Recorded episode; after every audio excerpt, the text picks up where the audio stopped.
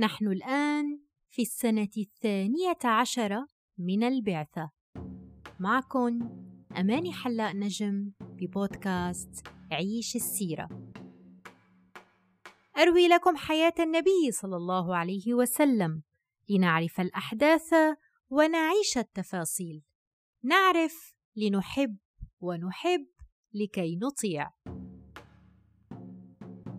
وقفنا المرة الماضية عند الشباب الستة يلي التقى فيهم النبي عليه الصلاة والسلام وهن شباب الخزرج من يثرب وعرض النبي عليه الصلاة والسلام الدعوة عليهم وقبول ودخول في الإسلام ولكنهم طلبوا من رسول الله أنهم يعرضوا الإسلام على أهلهم ويجوا بالسنة القادمة ويخبروه بيلي صار معهم.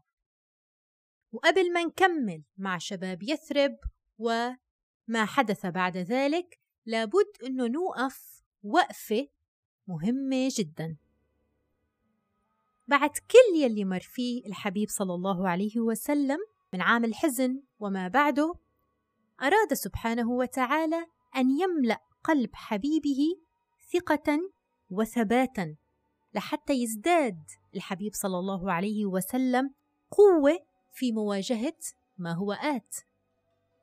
فالنبي عليه الصلاة والسلام على أعتاب مرحلة جديدة اللي هي مرحلة الهجرة. فأراد الله سبحانه وتعالى أنه يمنحه رحلة يطلع فيها على عجائب قدرته. لنريه من آياتنا. إنها رحلة الإسراء والمعراج. اختلف المؤرخون في تحديد زمن الإسراء والمعراج على عدة أقوال. ولكن الإمام ابن حزم جزم بأن الإسراء والمعراج كان في سنة 12 من البعثة. وأيضا الحافظ العراقي جزم بأنه الإسراء والمعراج كان بعد بعثة النبي عليه الصلاة والسلام ب 11 سنة وتسعة أشهر. فالراجح بأنه حادثة الإسراء والمعراج كانت قريبة من الهجرة والراجح بأنها كانت بسنة 12 من البعثة هل كانت ليلة الإسراء والمعراج في 27 رجب؟ أيضا اختلف المؤرخون في ذلك ومن العلماء يلي رجحوا أنه تكون ليلة الإسراء والمعراج 27 رجب الإمام الغزالي والحافظ أبو الفرج بن الجوزي الحنبلي والحافظ عبد الغني المقدسي والحافظ النووي وابن كثير الدمشقي وغيرهم. قبل ما نبدأ بأحداث الإسراء والمعراج هالمعجزة العظيمة مثل ما بنعرف معنى معجزة هو أمر خارق للعادة خارق لعادة الناس لم يعتادوا عليه. يجريه الله سبحانه وتعالى على يد نبي من أنبيائه تصديقا لهذا النبي وفيه معنى التحدي. فالإسراء ثبت بالقرآن الكريم. قال تعالى سبحان الذي أسرى بعبده ليلا من المسجد الحرام إلى المسجد الأقصى الذي باركنا حوله لنريه من آياتنا. إنه هو السميع البصير. أما المعراج فثبت بالأحاديث النبوية وأيضا ثبت بالقرآن الكريم بقوله تعالى ولقد رآه نزلة أخرى عند سدرة المنتهى عندها جنة المأوى إذ يغشى السدرة ما يغشى ما زاغ البصر وما طغى لقد رأى من آيات ربه الكبرى. وثبت الإسراء والمعراج في السن النبوية في الصحيحين يعني في صحيح البخاري ومسلم وفي غيرهما. وروى الإسراء والمعراج مجموعة كبيرة من الصحابة. منهم أنس بن مالك أبو ذر الغفاري جابر بن عبد الله عبد الله بن مسعود حذيفة بن اليمان عبد الله بن عباس وغيرهم رضوان الله عليهم أجمعين. فخلونا نبدأ بهالرحلة العظيمة. وكل شيء رح نحكيه بهيدي الرحلة هو عبارة عن قصة مأخوذة من عدة روايات مجمعة لحتى تطلع منا قصة الإسراء والمعراج كما فسرها العلماء. كان صلى الله عليه وسلم مضطجعا جانب الكعبة في الحطيم. شو يعني الحطيم؟ الحطيم هو النصف دائرة يلي جانب الكعبة اللي هو حجر سيدنا إسماعيل عليه السلام. فبينما كان صلى الله عليه وسلم مستلقيا بجانب الكعبة جاءه جبريل عليه السلام. فشق صدر النبي. شق صدر النبي عليه الصلاة والسلام من أسفل رقبته إلى آخر صدره. ثم استخرج سيدنا جبريل قلب النبي عليه الصلاة والسلام فغسله بماء زمزم بطست من ذهب مملوءة إيمانا. ثم حشي ثم أعيد. برأيكم ليش شق صدر النبي عليه الصلاة والسلام قبل رحلة الإسراء؟ قد يكون ذلك بحسب أقوال العلماء لحتى يتأهب صلوات ربي وسلامه عليه لهيدي الرحلة العظيمة ممكن الواحد يسأل الله سبحانه وتعالى قادر على كل شيء لماذا لم يحشو قلب حبيبه إيمانا دون الحاجة لشق الصدر؟ برأيكم شو يلي بيزيد اليقين أكثر بقلب الحبيب صلى الله عليه وسلم أن يرى ويعاين ما يحدث معه أو أن لا يرى ذلك. بالطبع أن يرى ويعاين. وشق الصدر هو معجزة أمر خارق للعادة. وما كان أول مرة بيصير مع الحبيب صلى الله عليه وسلم. شق الصدر حدث عدة مرات في حياة النبي عليه الصلاة والسلام. ومنها عندما كان عند حليمة. شو اللي صار بعد هيك؟ أتي النبي عليه الصلاة والسلام بالبراق ملجما مسرجا. شو يعني البراق؟ البراق هو دابة دون البغل وفوق الحمار لونه أبيض. ملجما ومسرجا يعني اللجام هو يلي بينحط بفم الدابة والسراج هو يلي بينحط فوق الدابة للجلوس للجلوس عليه. فاستصعب البراق على النبي عليه الصلاة والسلام. شو يعني استصعب؟ يعني البراق ما مكن النبي عليه الصلاة والسلام من الصعود عليه. فقال سيدنا جبريل للبراق أبي محمد تفعل هذا؟ فما ركبك أحد أكرم على الله منه. فسال العرق من البراق ثم استقرت فركبها النبي صلى الله عليه وسلم. لماذا فعل البراق هذا؟ قال العلماء لبعد عهد البراق بالأنبياء لأن البراق كان يركبه الأنبياء وليس فقط سيدنا محمد صلى الله عليه وسلم فلبعد عهد البراق بالأنبياء لأنه صار في هناك عدة قرون من سيدنا عيسى عليه السلام اللي هو آخر الأنبياء قبل سيدنا محمد. لذلك مضى زمن كبير ففعل البراق هذا الأمر. وأسري بالحبيب صلى الله عليه وسلم على ظهر البراق بروحه وجسده على الصحيح من أقوال العلماء فكان البراق يضع رجله عند منتهى بصره يعني من السرعة الفائقة لهذا البراق. فركبه صلى الله عليه وسلم حتى وصل بالنبي عليه الصلاة والسلام إلى المسجد الأقصى. فربط النبي عليه الصلاة والسلام البراق بالحلقة التي يربط بها الأنبياء ثم دخل فصلى ركعتين. فإذا بالنبي عليه الصلاة والسلام يجد موسى عليه السلام. فيصفه بأنه ضرب من الرجال جعد كأنه من رجال شنوءة. شنوءة هي قبيلة عربية رجال معروفين بالطول. فكان سيدنا موسى رجل طويل. وإذا أيضا بعيسى عليه السلام. فيصف النبي عليه الصلاة والسلام بيوصف لنا إياه فبيقلنا بأنه أقرب الناس بعروة بن مسعود. أحد الصحابة رضوان الله عليهم شبه سيدنا عيسى لعروة بن مسعود. وأيضا رأى صلوات الله عليه إبراهيم عليه السلام فيصفه لنا صلى الله عليه وسلم فيقول فإذا أقرب الناس به شبها صاحبكم. مين يعني صاحبكم؟ يعني النبي عليه الصلاة والسلام. فلما انتهى النبي عليه الصلاة والسلام من الصلاة قال له قائل يا محمد هذا مالك خازن النار. فسلم عليه. فالتفت النبي صلى الله عليه وسلم فبادره هو بالسلام.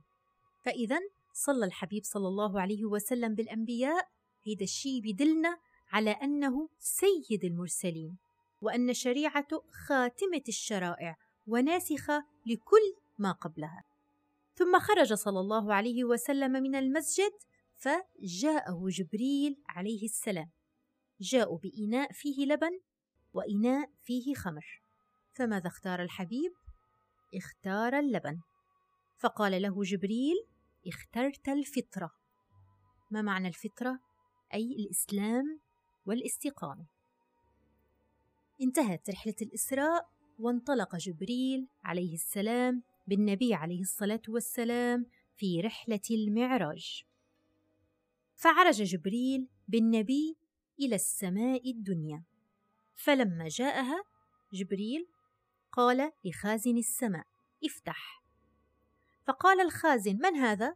قال هذا جبريل. قال الخازن هل معك أحد؟ قال نعم معي محمد. فقال الخازن أرسل إليه؟ قال جبريل نعم. فدخل النبي صلى الله عليه وسلم مع جبريل إلى السماء الدنيا فإذا رجل قاعد على يمينه أسودة وعلى يساره أسودة. إذا نظر هذا الرجل جهة اليمين ضحك. وإذا نظر جهة اليسار بكى. فقال الرجل مرحبا بالنبي الصالح والابن الصالح. فقال النبي لجبريل من هذا؟ قال هذا آدم. سؤال الملائكة بدل على أن أهل السماء وإن كانوا مقربين من الله سبحانه وتعالى إلا أنهم ما بيعرفوا إلا يلي الله سبحانه وتعالى يريدهم أن يعرفوه. ثم عرج بالنبي عليه الصلاة والسلام إلى السماء الثانية وفي كل سماء يجري نفس الحوار بين جبريل وبين الخازن. ففي السماء الثانية وجد النبي عليه الصلاة والسلام سيدنا يحيى وعيسى عليهما السلام فقال مرحبا بالنبي الصالح والأخ الصالح. وفي السماء الثالثة وجد يوسف عليه السلام وأيضا قال له نفس الأمر. وفي السماء الرابعة وجد سيدنا إدريس وفي الخامسة هارون وفي السادسة وجد سيدنا موسى ولكن عندما أراد النبي صلى الله عليه وسلم أن يترك سيدنا موسى بعد أن سلم عليه وقال له مرحبا بالنبي الصالح والأخ الصالح بكى سيدنا موسى فسأله النبي صلى الله عليه وسلم ما يبكيك؟ فقال أبكي لأن غلاما بعث بعدي يدخل الجنة من أمته أكثر ممن يدخلها من أمتي. وطبعا هيدا الأمر ما كان حسد من سيدنا موسى عليه السلام لأن الحسد منزوع من المؤمنين. فكيف بمن اصطفاهم الله سبحانه وتعالى؟ كيف بأنبياء الله؟ وفي السماء السابعة التقى الحبيب صلى الله عليه وسلم بأبينا إبراهيم. فيقول صلى الله عليه وسلم لقيت إبراهيم ليلة أسري بي فقال يا محمد أقرئ أمتك مني السلام. وعليك السلام يا نبي الله. وأخبرهم أن الجنة طيبة التربة عذبة الماء وأنها قيعان وأن غراسها يعني غراس الجنة يلي بده يكون عنده غرسة بالجنة ماذا عليه أن يقول؟ سبحان الله والحمد لله ولا إله إلا الله والله أكبر. رواه الترمذي. ممكن نسأل شو الحكمة من إنه يلتقي النبي عليه الصلاة والسلام بهؤلاء الأنبياء على وجه الخصوص دون غيرهم وقد التقى الحبيب صلى الله عليه وسلم في المسجد الأقصى بكل الأنبياء أو معظمهم. طبعا للعلماء تفسيرات كثيرة. من ذلك ما قاله الإمام السهيلي بأن ذلك فيه إشارة على أن النبي صلى الله عليه وسلم سيقع له ما وقع معهم. فسيدنا آدم كان في جنة ربه فأخرجه إبليس منها فحزن لذلك واختم. وسيدنا محمد صلى الله عليه وسلم سيخرج من أحب البلاد إليه وهي مكة. أما وجه الشبه مع يحيى وعيسى عليهما السلام لأن اثنينات كذبوا وأوذوا وأراد اليهود قتلهما. وهيدا أيضا حصل مع الحبيب صلى الله عليه وسلم من إيذاء قريش لإله. وأما وجه الشبه مع يوسف عليه السلام فكما عفى يوسف عن إخوته كذلك فعل النبي صلى الله عليه وسلم مع قومه يوم فتح مكة عفى عنهم. وأما وجه الشبه مع إدريس فالنبي صلى الله عليه وسلم فكما أن إدريس له مكانا عليا فالنبي عليه الصلاة والسلام سيكون له أيضا مكانا عليا وقد كان ذلك لأنه حيكون بعد هيك بأنه النبي عليه الصلاة والسلام حيراسل الملوك ورح يقدر يبني دولة ويهزم جيوش. وأما وجه الشبه مع هارون فهارون عليه السلام كان محببا إلى قومه والنبي بعد فتح مكة أحبته قريش. وأما وجه الشبه مع موسى فهو أن سيدنا موسى عانى من أمته كما عانى النبي من أمته. فقال صلى الله عليه وسلم فيما رواه البخاري ومسلم رحم الله أخي موسى لقد أوذي بأكثر من هذا فصبر. هيدا الكلام قاله سيدنا محمد صلى الله عليه وسلم في غزوة حنين عند قسمة الغنائم فيما سيأتي معنا في السيرة إن شاء الله.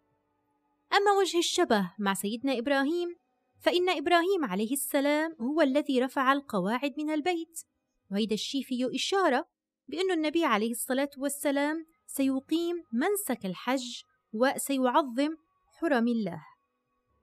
والله أعلم. وبعد أن التقى النبي عليه الصلاة والسلام بسيدنا إبراهيم في السماء السابعة وأوصاه بما أوصاه رفعت للحبيب صلى الله عليه وسلم سدرة المنتهى. هي شجرة اسمها شجرة النبق. هي شجرة معروفة؟ شجرة النبق معروفة لأهل الجزيرة العربية. ثمرتها طعمها حلو ورائحتها زكية واختلف العلماء في معنى سدرة المنتهى. فقال ابن مسعود رضي الله عنه يعني منتهى ما يعرج به من الأرض ومنتهى ما ينزل من السماء أي ينتهي عندها. وقال بعض العلماء يعني في معنى منتهى إليها ينتهي علم كل نبي مرسل وملك مقرب فما وراءها هو الغيب الذي لا يعلمه إلا الله ومن أطلعه عليه. ورأى النبي عليه الصلاة والسلام أيضا في أصل هذه الشجرة أربعة أنهار نهران باطنان ونهران ظاهران.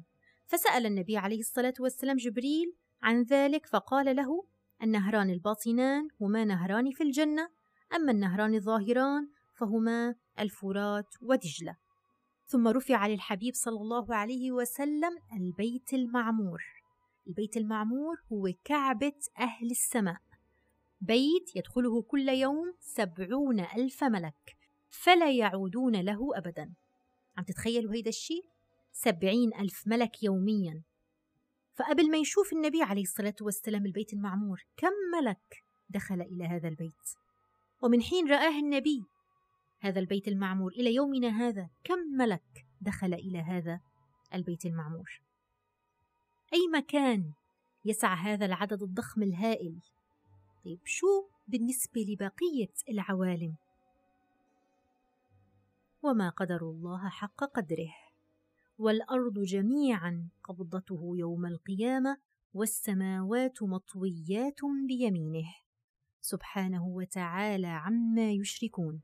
عظمة تدل على عظمة الخالق وعظمة قدرته سبحانه. كيف لا؟ وقد قال الله لحبيبه لنريه من آياتنا.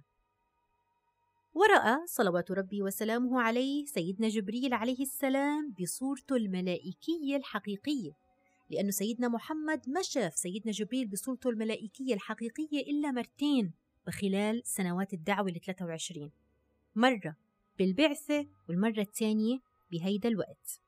وأوتي الحبيب صلى الله عليه وسلم بإناء من خمر وإناء من عسل وإناء من لبن فاختار النبي اللبن فقيل له هي الفطرة التي أنت عليها وأمتك. ثم عرج بالحبيب صلى الله عليه وسلم حتى وصل لمستوى سمع فيه صريف الأقلام يعني صوت الأقلام. ما الذي حدث بعد ذلك؟ هيدا يلي رح نتعرف عليه بإذن الله بالحلقة القادمة. خليكن دايما على السمع وخليكن مع بودكاست عيش السيرة.